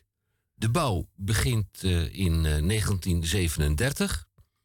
En ze hebben er wel wat jaartjes over gedaan, maar dat, ja, dat zijn ze vergeven. Maar die was in 1942 al klaar. Ja. Dus al vanaf 1942 kun je van de ene kant van Rotterdam onder de Maas door. Onder de Nieuwe Maas, ja. Onder de Maas door, Nieuwe Maas door, uh, naar de andere kant. Ja. Dus het kan wel. Ja, ja, zeker. En dan heb je ook in Antwerpen... Vier buizen, zeg je? Vier buizen, ja. ja. nou, er ligt er nog één. En die is speciaal. En ook in Rotterdam. Die is speciaal bedoeld voor voetgangers en fietsers. Daar is, een toe, daar is zelfs een een roltrap zodanig, aan, uh, zodanig voor ontworpen dat ook de fietsers met een roltrap mee naar beneden kunnen. Nou, zo één willen we er. Maar ik kwam tot de vraag: waarom wordt dit uh, tunnelverhaal tussen het Centraal Station en de overzijde, de kortste oversteek, nu zo lang uit de discussie gehouden door de plaatselijke overheid CQ? Ehm, de gemeenteraad, maar ook vooral het bestuur van Amsterdam. En dat zijn een aantal invloedrijke ambtenaren daar, denk ik. Die behoren tot uh, wat men noemt de elite, die zich zo makkelijk beweegt door de stad. En die grote, grote monden heeft, om niet te zeggen grote muil, zoals we zouden zeggen in Rotterdam. Waar komt het nou door? Uh, ik zei ijdelheid, ik zeg het volgende. Dat komt omdat het alternatief voor een tunnel een brug is. Een brug is. En wat is er nou met een brug? Een brug kun je vormgeven. Die staat boven het water. Die rust weliswaar op pijlers, maar die kun je vormgeven. We hebben een aantal bruggen hier in Nederland die, um, laten we zeggen, spreekwoordelijk zijn. Die men, die men snel herkent. Over de hele wereld trouwens uh, zijn bruggen makkelijk, makkelijk te onthouden en makkelijk te herkennen. Symbolen, van één stad. Die, die hebben smoel. Die kun je, wat ik zeg, een, een vorm geven die opvalt. Die uh, modern is of vooruitstrevend of bijzonder. Henk wil nog wat zeggen? Ja, Kort hoor. Brug of zin tunnel. Maken. Al in 1874, en dan ben ik uh, terug in mijn geboorteland... en mijn geboorteplaats Antwerpen... Al in 1874 waren de Antwerpenaars het eens over een verbinding tussen de linker en de rechteroever van de stad. Er bestonden heel wat plannen om een brug over de Schelde te bouwen, maar die werden steeds afgeblazen, vooral omdat een brug het scheepverkeer te hard zou hinderen. En dan duurt het van 1874 tot 1931. Uiteindelijk wordt er dan in 1931 voor een, eh, een beslissing genomen in het voordeel van een tunnel. Tot op vandaag zijn de meeste delen van de toegangsgebouwen en de tunnel nog steeds origineel. Ja, het is een springlevende geschiedenis. Het kan dus wel. Hè? Ja, het kan ook heel erg eenvoudig. Ik heb een aantal mensen gesproken en we gaan er zeker nog een andere, een, volgende uitzending aan wijden. Waar we ook een uh, deskundige op het gebied van tunnelbouw zullen uitnodigen. Die ons zal vertellen dat het aanleggen van zo'n tunnel tegenwoordig echt niet veel meer voorstelt. We hebben gezien in de grote fietsenkelder Ehm, die nu aangelegd is uh, aan de achter, achterzijde van het Centraal Station. Hoe makkelijk dat gaat. De delen worden elders gebouwd, die worden ingevaren, die worden neergelegd op reeds geslagen palen. Het is allemaal een centje, een, een, geen centje pijn, een fluitje van één cent. Mag ik het tunnelleed even afsluiten? Nou nee, dat zou ik graag wel even willen doen, Henk. Ja, wil je het dan even hebben over de Piet Hein-tunnel? Ja, de Piet Hein, ja, een drama. Maar het is ook zo'n tunnel, die is ook in no time gelegd. Het is zo dat die tunnels veel onderhoud uh, vragen omdat mensen gevaarlijk vindt. Dat is altijd het argument. Maar ik kom nog even terug op het uh, argument wat nu gebezigd wordt in de afgelopen jaren. Zo'n brug is vorm te geven. Dat kan een icoon worden, een icoon voor een stad. die wereldwijd wordt herkend. Die kan op aanzichtkaarten, die kan op allerlei soorten uitingen. En uh, daarom wil men een brug. Dat is de enige reden waarom men een brug. Het is echt de enige reden die men heeft om een brug boven een tunnel te verkiezen. Zo'n onzin. We gaan het zeker over hebben. Kijk, met de, nieuwe, de allernieuwste technieken kunnen ook de aanlandingsgebouwen, hè, daar waar de tunnel boven water komt, aan de, de kaders, kunnen ook elders worden gebouwd en gewoon worden ingevaren. Er gaat, hoeft geen betontruck door de stad te rijden. Men vaart ze in, men zet ze neer, men sluit ze aan op de tunnel. En daarmee is het geleed al geleden voor de stad. Henk, jij mag er nog eventjes wat zeggen, maar dan gaan we over tot een uh, nummertje rock'n'roll. Nou, het lijkt wel of jij aandelen tunnelbouw hebt of ja, bruggenbouwer. Radio Dieprik is ook zo'n bruggenbouwer, maar niet nadat ik mijn eh, zeer eh, ernstige ontstemming heb uitgesproken, ga uitspreken over het drama van de Piet Hein-tunnel. Wij werden een eh, anderhalf jaar geleden geconfronteerd met een 18 maanden durende afsluiting van de Piet Hein-tunnel. Geweldig, want het ding, misschien is het wel iets te snel gebouwd of had hij wat uh, krakenmikkige eigenschappen. Ik weet het niet. Wie het uh, weet uh, kan bellen. Nee, Henk, het komt omdat het, er Hendrik is de naam. Hendrik is de naam, ja, Hendrik, Hendrik, ja, ja. En, maar dat komt omdat tussentijds zijn er, zijn er veiligheids... Ja, uit Brussel. Voorwaarden. Nee, ja, het zijn veranderd. Ja, er zijn Brussel. ongelukken gebeurd en men heeft nu de veiligheidseisen Er is nog nooit een incident gemeld vanuit de Piet Heintunnel. Ja, dat weet ik wel. En zelfs als je dus de, de de, de Ruitertunnel onder het Centraal Station van Amsterdam in beschouwing neemt, dan is het een beschamende situatie dat dat ding dus de afgelopen jaren elk weekend een keertje 24 uur per dag dicht uh, gegaan is. Wat is uh, de resume van dit verhaal? Wij krijgen een zeer enthousiasmerende mededeling van de gemeente Amsterdam. Nee, uh, geachte bewoner, zeg maar ja, geachte bewoner.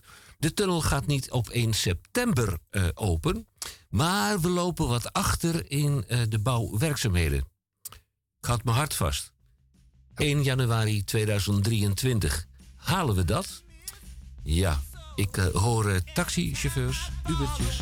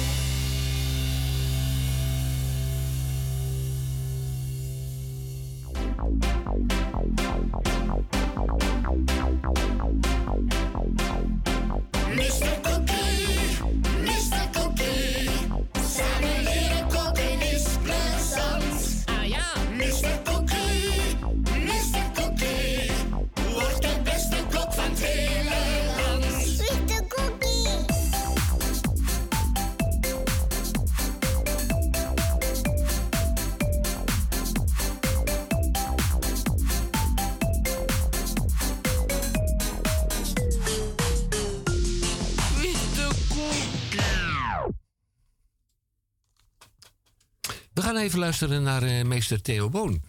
Want het is een, uh, een bijzondere uitzending, want hij uh, doet het al meer dan tien jaar en hij heeft al. Nou, onze notaris, onze geheimschrijver, heeft dat bekeken. Het is meer dan 500, maar vlak voor de Pasen op Goede Vrijdag hebben we hem afgerond op 500. Wij hebben op deze radio een klein feestje te vieren. Ik ben bij meester Boon ter gelegenheid van de 500ste aflevering van EHBK. Goedemiddag, dames en heren. Goedemiddag nogmaals, luisteraars in België en Nederland. Dat mag natuurlijk ook in de omgekeerde volgorde.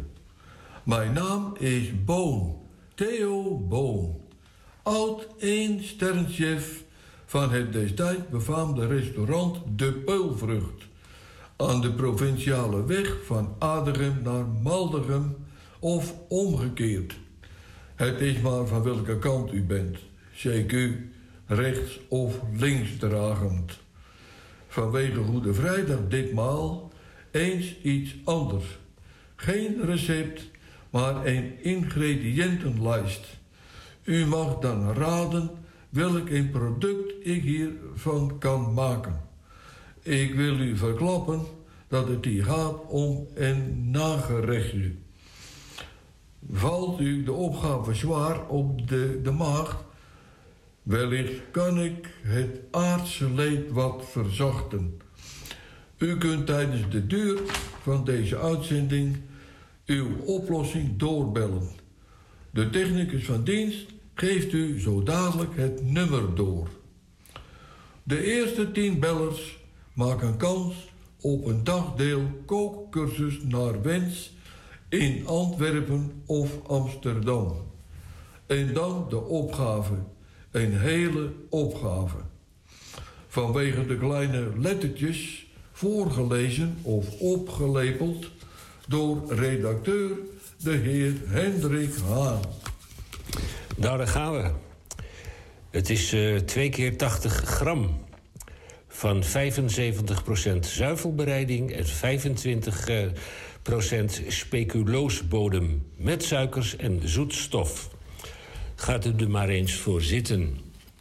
Hoe verzinnen ze het? 30% slagroom, water, tarwebloem, suiker, scharrelei, plantaardige olie, palm, raap, magere melkpoeder, zoetstof E965, vrije uitloopkip, gekarameliseerde suikerstroop, gemodificeerd maiszetmeel, karnemelkpoeder, bourbon vanille-extract, zeezout, rijstmiddel E500, verdikkingsmiddel E407, zout, kaneel, zuursel, conserveermiddel, daar komt hij weer, E202, zuurteregelaar E330, waarvan toegevoegde suikers 15 gram per 100 gram en waarvan toegevoegde zout 0,20 gram per 100 gram. Een uh, allergieinformatie bevat ei, tarwegluten, lactose, melkeiwit en kan sporen bevatten van noten en soja. Ja, met al die E-nummers tenminste houdbaar. Tot en met, zie de bovenzijde, mits gekoeld, bewaard, maximaal 7 graden. Kijk, ruik en proef na deze datum. En daar moet u het mee doen. Dames en heren, en dan nu het betere werk. Namelijk garnalen met ananas. Het is een gourmet recept. Ga ga je met de veedagen gourmetten en kun je wel wat inspiratie gebruiken? Wat dacht je van garnalen met ananas en paprika? Weer eens wat anders dan een hamburgertje of een stukje kip. Het recept is geschikt voor 4 à 5 personen en de bereidingstijd is in ongeveer 10 minuten. En nu de ingrediënten. U heeft hiervoor nodig 200 garnalen, 1 grote teen knoflook, 2 ananasringen uit blik, 2 eetlepels sweet chili saus en een, en een halve ui, 1 theelepel peterselie, wat zout en peper en 0,5 paprika. Ja, dat is dus wel niet zoveel, maar reken maar op een hele paprika. Want meestal doet het altijd wel wat krimpen. En nu vervolgens als laatste aan de slag met de garnalen met ananas. Doe de garnalen in een kom en snipper de ui. Snijd de paprika in stukjes. Voeg één uitgeperste teen knoflook, een scheutje olie, peterselie, paprika, ui, ananas in stukjes. Snuf je zout en peper en de sweet chili saus toe. Meng alles door elkaar en zet het bakje bij het gourmetten op tafel. Verwarm een klein beetje olie in een gourmetpannetje en bak de garnalen in 2 tot 3 minuten gaar. Bewaar het recept voor de garnalen met ananas, dus het gourmetrecept, ook op Pinter, Pinterest. Daar kunt u dat gewoon ook op bewaren. Dames en heren, ik wens u met dit gerechtje een smakelijk eten voor de paasdagen. En tot ziens voor de volgende keer.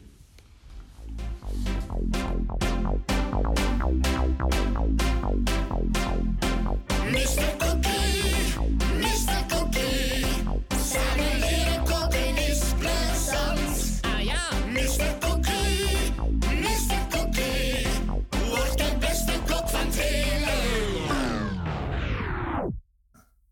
gebeurt? Dat was het einde van uh, Mr. Cookie, onze Belgische chef-kok. Ja, wat wij natuurlijk ook nog in portefeuille hebben, dat is de DCVM. En ik kijk, kijk, kijk Misha even aan met de vraag van... gaat hij rechtop zitten en concentreert hij zich op zijn tekst? En het antwoord uh, geeft hij zelf. Misha Gorgi. Geachte luisteraars van DPRCK. 2022 is tot nu toe een jaar van wanhoop en onbegrip. Tussen de oorlogen en inflatie door maakt ook u waarschijnlijk er het beste van. En gelijk heeft u. En denkt u zich maar eens in. Onze eerste uitzending van dit jaar vond plaats in RSN, Radio Studio Noord. Een alleraardigst alternatief. Dat moet gezegd. Maar PDZ krijgt toch de voorkeur. Geen paniek. Dit is geen premature eindejaarsoverzicht. Integendeel. Dit is een voorjaarsoverpeinzing of in Jip en Janneke taal een kwartaal terugblik. Maar wel één met een gouden-geel randje. Een goudgeel randje met de geur van bakbrood en eigeel. Een overpeinzing in paastraditie. Maak uw borst maar nat, ook die van uw hond of kat, en wees voorbereid voor vergiffenis en heroverweging. Allereerst een welgemeend mea culpa namens het volledige team van DPRCK voor alle stuitende inhoud van onze uitzendingen. Nu en de afgelopen 33 jaargangen. Muziekkeuze, woordgebruik en het toenemende gebrek aan gêne dragen wij als een houten kruis op onze schouders mee. Ten tweede vraag ik vergiffenis voor het volgende. Urk. In zijn geheel. Delano Velter van de Republikeinse Politieke Partij. Want hij bedoelt het niet zo. Poutin. Ook hij bedoelt het niet zo. En tot slot, mevrouw D. Den Edelenbos, die wij week in week uit teleurstellen. Dora, Het spijt ons. Heel veel excuses. En een zalig en vredig paasweekend toegewenst.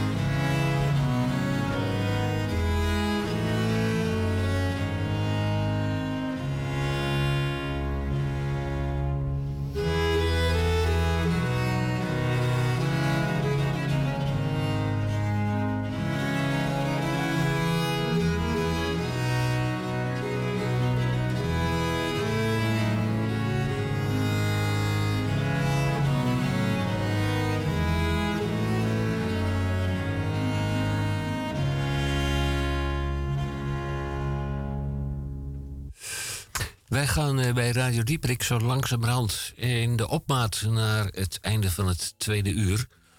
Toch nog even terug en we gaan beluisteren en bekijken. Want uh, de eerste uitzending van deze maand werd de radio-uitzending ondertiteld. Maar dat is he heden even niet op het, het geval.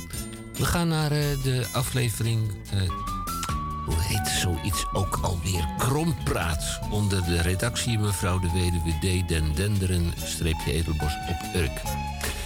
Nou mevrouw, uh, wij krijgen elke week uh, indrukwekkende lijst. En u heeft zelfs aangekruist wie van ons team welk woord gaat behandelen. Nou, uh, in het tweede uur is dat uh, Misha. Misha, welk woord mag jij van mevrouw Dora behandelen? Ik ga dit uh, uur, dit, dit, deze editie van Krompraat, dit uur beginnen met het woord terras woensdag. Terras woensdag. En u hoort hierin natuurlijk as woensdag. En dat is het begin van de vasten. Dus dat was ergens in februari al, het terras, het as woensdag. En wat wil nou het terras woensdag? Dat is een uh, poging van het, de kerk om het geloof enigszins weer onder jongeren enthousiast, uh, de jongeren enthousiast te krijgen om weer naar de kerk te gaan. Want de leegloop zet onverminderd voort. En men krijgt geen nieuwe aanwas. Maar dat komt natuurlijk omdat kruisjes op je voorhoofd zetten en hosties eten. Dat is niet wat generatie Z wil. Die wil swipen en slikken en snuiven. En dat past niet in de kerktraditie. Althans, uh, dat, zo, dat was zo. Maar nu komt daar dus verandering in. En dat begint dus met de terraswoensdag. Het is dus een speciale dag. Christelijke feestdag wordt dat. Waarop wij naar het terras mogen. En dat staat dus in de traditie van de snuifgrastie. En de cannabisschop. En de alcoholwalmzondag allemaal opnieuw ingepakte uh, gelovige feestdagen. Om dus de jeugd weer uh, aan, het, aan de zedenleer en de, het geloof te krijgen. En dat doe je dus door drugs en drank aan te bieden. Want daar zijn ze wel gevoelig voor. Ja. ja. Dus. Het is een uh, bijzondere verklaring van dat wat er zich afspeelt op een terraswoensdag. Terraswoensdag. Seks en drugs en rock and roll in de kelders van het Vaticaan. Ja, knielen voor een kruis op terraswoensdag. Ja, Gerard Reven zei: Ik aanbid het kruis. Maar Kijk. hij bedoelde daar naar alle waarschijnlijkheid toch nog eventjes iets anders. De pielenmuis, het pielenkruis. Ja, het pielenmuisjeskruisje. Ja, mag ik er ook één doen? Uh, Natuurlijk. Ik heb het over een uh, uitgestelde boodschap. Kijk, Pasen, dat heeft natuurlijk een zekere impact op een mens zijn en of haar leven. Het dus of heen. De retrogradatietoestand, vastvloeibaar en gasvormig. Ja, vast, dat is natuurlijk een, uh, gekookt aardappeltje. Vloeibaar, dat, ja, dat doet ook meneer Hein en Ineke. Gasvormig, ja, dat is een spuitbusje met slagroom. Hè. Dat, ja, dat heet geen slagroom, maar dat heet spuitroom. Dus je wordt een beetje in de maling genomen. Paashaast. Ja. Ehm, haast u zich naar de grote mensenvriend in het blauw. Of zijn conculega, die jongen in het rood. En dan hebben we ook nog een andere. Die heeft de hoofdkleur geel en die doet ook aan topsport, wielrennen en de autoraces, de championship uh, over de hele wereld. Haast u naar een van die drie, misschien. Oh, dat, dat dennenboompje, die doet ook nog mee. Een concern oorspronkelijk uit Duitsland heeft zich ook vertakt naar Nederland. Hm. Paashaast. U zult er zo dadelijk na afloop van deze uitzending achterkomen dat u toch niet helemaal alles onder controle heeft voor uw paasontbijt. En ook die paasstol, hè, die nooit bestond. Eerst had je een kerststol, maar kerst bestaat ook niet. Uh, toen moest er ook een paasstol moest er worden gemaakt. En ja, die is bij de supermarkten natuurlijk 30% goedkoper dan bij uw warme Die er heel veel meer aandacht aan heeft besteed. Want die paasstol uit die supermarkt, die komt ook maar van de lopende band. En die paasstol bij uw warme bakker, daar heeft hij dus zelf bij zijn knuisten ingezeten. Paashaast. U heeft tot gemiddeld uh, eh, 8 à 9 uur, afhankelijk van welke franchiser erin zit, heeft u nog de tijd om uh, uw uh, boodschappen te doen. Ja, en dan heb ik een ernstige winstwaarschuwing. enkele honderden winkels van de firma Gal Gal. Die zijn, althans de uitbaters daarvan, die zijn in conflict met hun uitbater. Dat is Albert Heijn. Ja, en die hebben de deuren gesloten. Dat betekent eh, dat u ze nog wel kunt eh, bestellen via de, de app van eh, de grote mensenvriend, de Groot Maar paast haas, ik zou willen afsluiten met onthaast u. Dat is een goede manier om van de stress af te komen. Mooi. Zal ik er dan nog één doen? voor dit uur. Om een beetje in te halen. Dat is de paasvuurpijl. De paasvuurpijl? Een paasvuurpijl. Ja. Pijl met lange ei.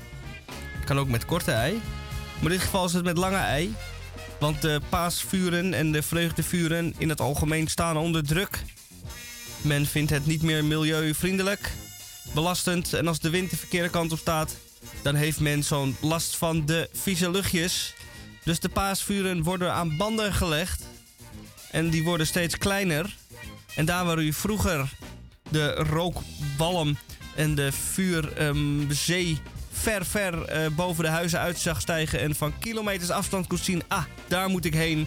En nu niet, staat er nu een zielig hoopje te smeulen. Dus je weet niet meer waar je naartoe moet. En daar is dan de paasvuurpijl voor. Die wijst jou dan de weg. Ja, dat was in het oostelijke gedeelte van Nederland zo. Dat, uh, daar waren vuren. En als de wind nou deze kant op was, dus naar het westen... dan kon je toch nog tot twee dagen daarna kon je het, uh, de, de, geuren opsnuiven. En een groot aantal jaren geleden in Scheveningen... is het zodanig uit de hand gelopen dat het nu bijna echt afgelopen is... met het plaatsen van uh, een miljoen pallets. En Duindorp. Duindorp, ja. Nou, dat was, dat was, uh, geen, uh, dat was geen paasvuur. Natuurlijk. Dat was geen paasvuur? paasvuren komen uit, oorspronkelijk uit Twente, die hoek. En uh, die dienden voor de gemeenschappen daar om hun aanwezigheid kenbaar te maken aan elkaar. Dus die, die, die, konden elkaar, die zijn een beetje heuvelachtig terrein. En dan achter die heuvel kon je dan het paasvuur van de, de belendende gemeenschap zien opvlammen. Dat is een beetje een, een gemeenschapvormend element. Die paasvuren waren inderdaad vrij groot. Nou, het is inderdaad waar wat Henk zegt, dat, uh, dat je ze hier kon ruiken. Zeker, dat kon. In uh, onder goede omstandigheden. Wel, mijn woord is paasgier deze keer. En dat uh, graag zal ik dat verduidelijken. Een paasgier is natuurlijk een aasgier die op Pasen, die op Pasen parasiteert. En het is een klein beetje zo in Nederland geworden dat deze oude feesten, zoals kerstmis, Pasen, Pinksteren, en daar is geen goede commerciële uiting voor bedacht. Maar goed, die feesten die worden commercieel uitgebuit in de vorm van allerlei soorten uh, producten die daarmee zouden samenhangen. Zouden samenhangen. Het paasontbijt was in feite het eerste behoorlijke ontbijt dat je kreeg na de vasten. Dus je had dan ook echt gevast, in tegenstelling tot de Ramadan, waarbij alleen overdag wordt gevast en s'nachts wordt gegeten, werd er in de Roomse vasten 40 dagen lang echt afgezien van al het lekkers. Dan kon je pas weer ten tijde van paasmorgen, de ochtend van eerste paasdag, echt iets behoorlijks uh, verwachten. Dan had je je eerste eitje, had je eerste zoete broodjes. En dat was echt de doorbreking van de paas. Dan was het ook echt afgelopen, de, de, de, vasten. Wel, uh, dat is al lang geleden. Mag ik er nog één doen? Nou, ik uh, wou nog wat toevoegen aan de paasgier. Doe maar. Ik weet dat uh, inderdaad alle lekkere broodjes en de gourmetschotels en de eieren en dergelijke uh, in de supermarkt liggen en de schappen puilen uit. Maar die worden nooit volledig leeg gekocht, verkocht. Dus er blijft altijd nog van alles over. En komt u aanstaande dinsdag bij uw favoriete supermarkt. Dan ziet u overal een sticker op 30% korting, 50% korting, want die zooi moet allemaal weg. En dat is de paasgier die de hele Pasen met de gordijnen dicht met zijn handen over elkaar blijft zitten. En zodra het allemaal voor de halve prijs komt, komt hij als een aasgier tevoorschijn en koopt hij alle restanten op. Ja, dat zou best kunnen dat die bestaan. Ja, zeker bestaan die. En uh, zeker in deze tijden waar het allemaal wat moeilijker is. En mensen op de centjes moeten letten. En uh, er wordt niet meer op de kleintjes gelet, maar er wordt echt op de centjes gelet. Dan zou het beste zo kunnen, ja. Want er zijn natuurlijk heel wat eh, rolladetjes en, en, en, fijn verpakte zoetwaren die uh, voor de helft gaan. Ja, dat zou het beste kunnen. De paasgier, ja, het is een treurig woord, maar ja, ja. het is het wel geworden. Absoluut. Henk, ja, jou er nog één doen? Hendrik? Nou, laten wij de Leidenswegversperring maar even doen. Heel kort. Als je in de loop van de namiddag of ook vanavond naar de basiliek, de heilige uh, Sint-Nicolaas gaat op de Ruiterkade in Amsterdam, dan uh, kom je de Leidensweg, uh, de wandeling langs de schilderijen kom je tegen. En over het algemeen is het dan op die dagen, want een ja, er zijn heel veel mensen die nooit meer naar de kerk gaan, maar alleen bij de Pinksteren, de Pasen en de Kerst naar de kerk gaan. En die, eh, die dringen zich dan op. Uh, en, en dan ga je zo'n zo'n Leidensweg ga je af. Dat zijn schilderijen, staties. En uh, ja, er, wordt dan uitleg gegeven over dat wat het betekent in het eerste tot en met het laatste schilderij. Nou, en die mensen die dan nooit naar de kerk komen, ja, die dringen zich dan op en dat wordt een Leidenswegversperring. Dat was uh, Krompraat van deze week. Ik wil uh, vijf minuten, vier minuten voor het einde van deze uitzending, 15 uur 55. En het is ook natuurlijk een heel klein beetje afhankelijk daar wanneer en waar u naar ons luistert.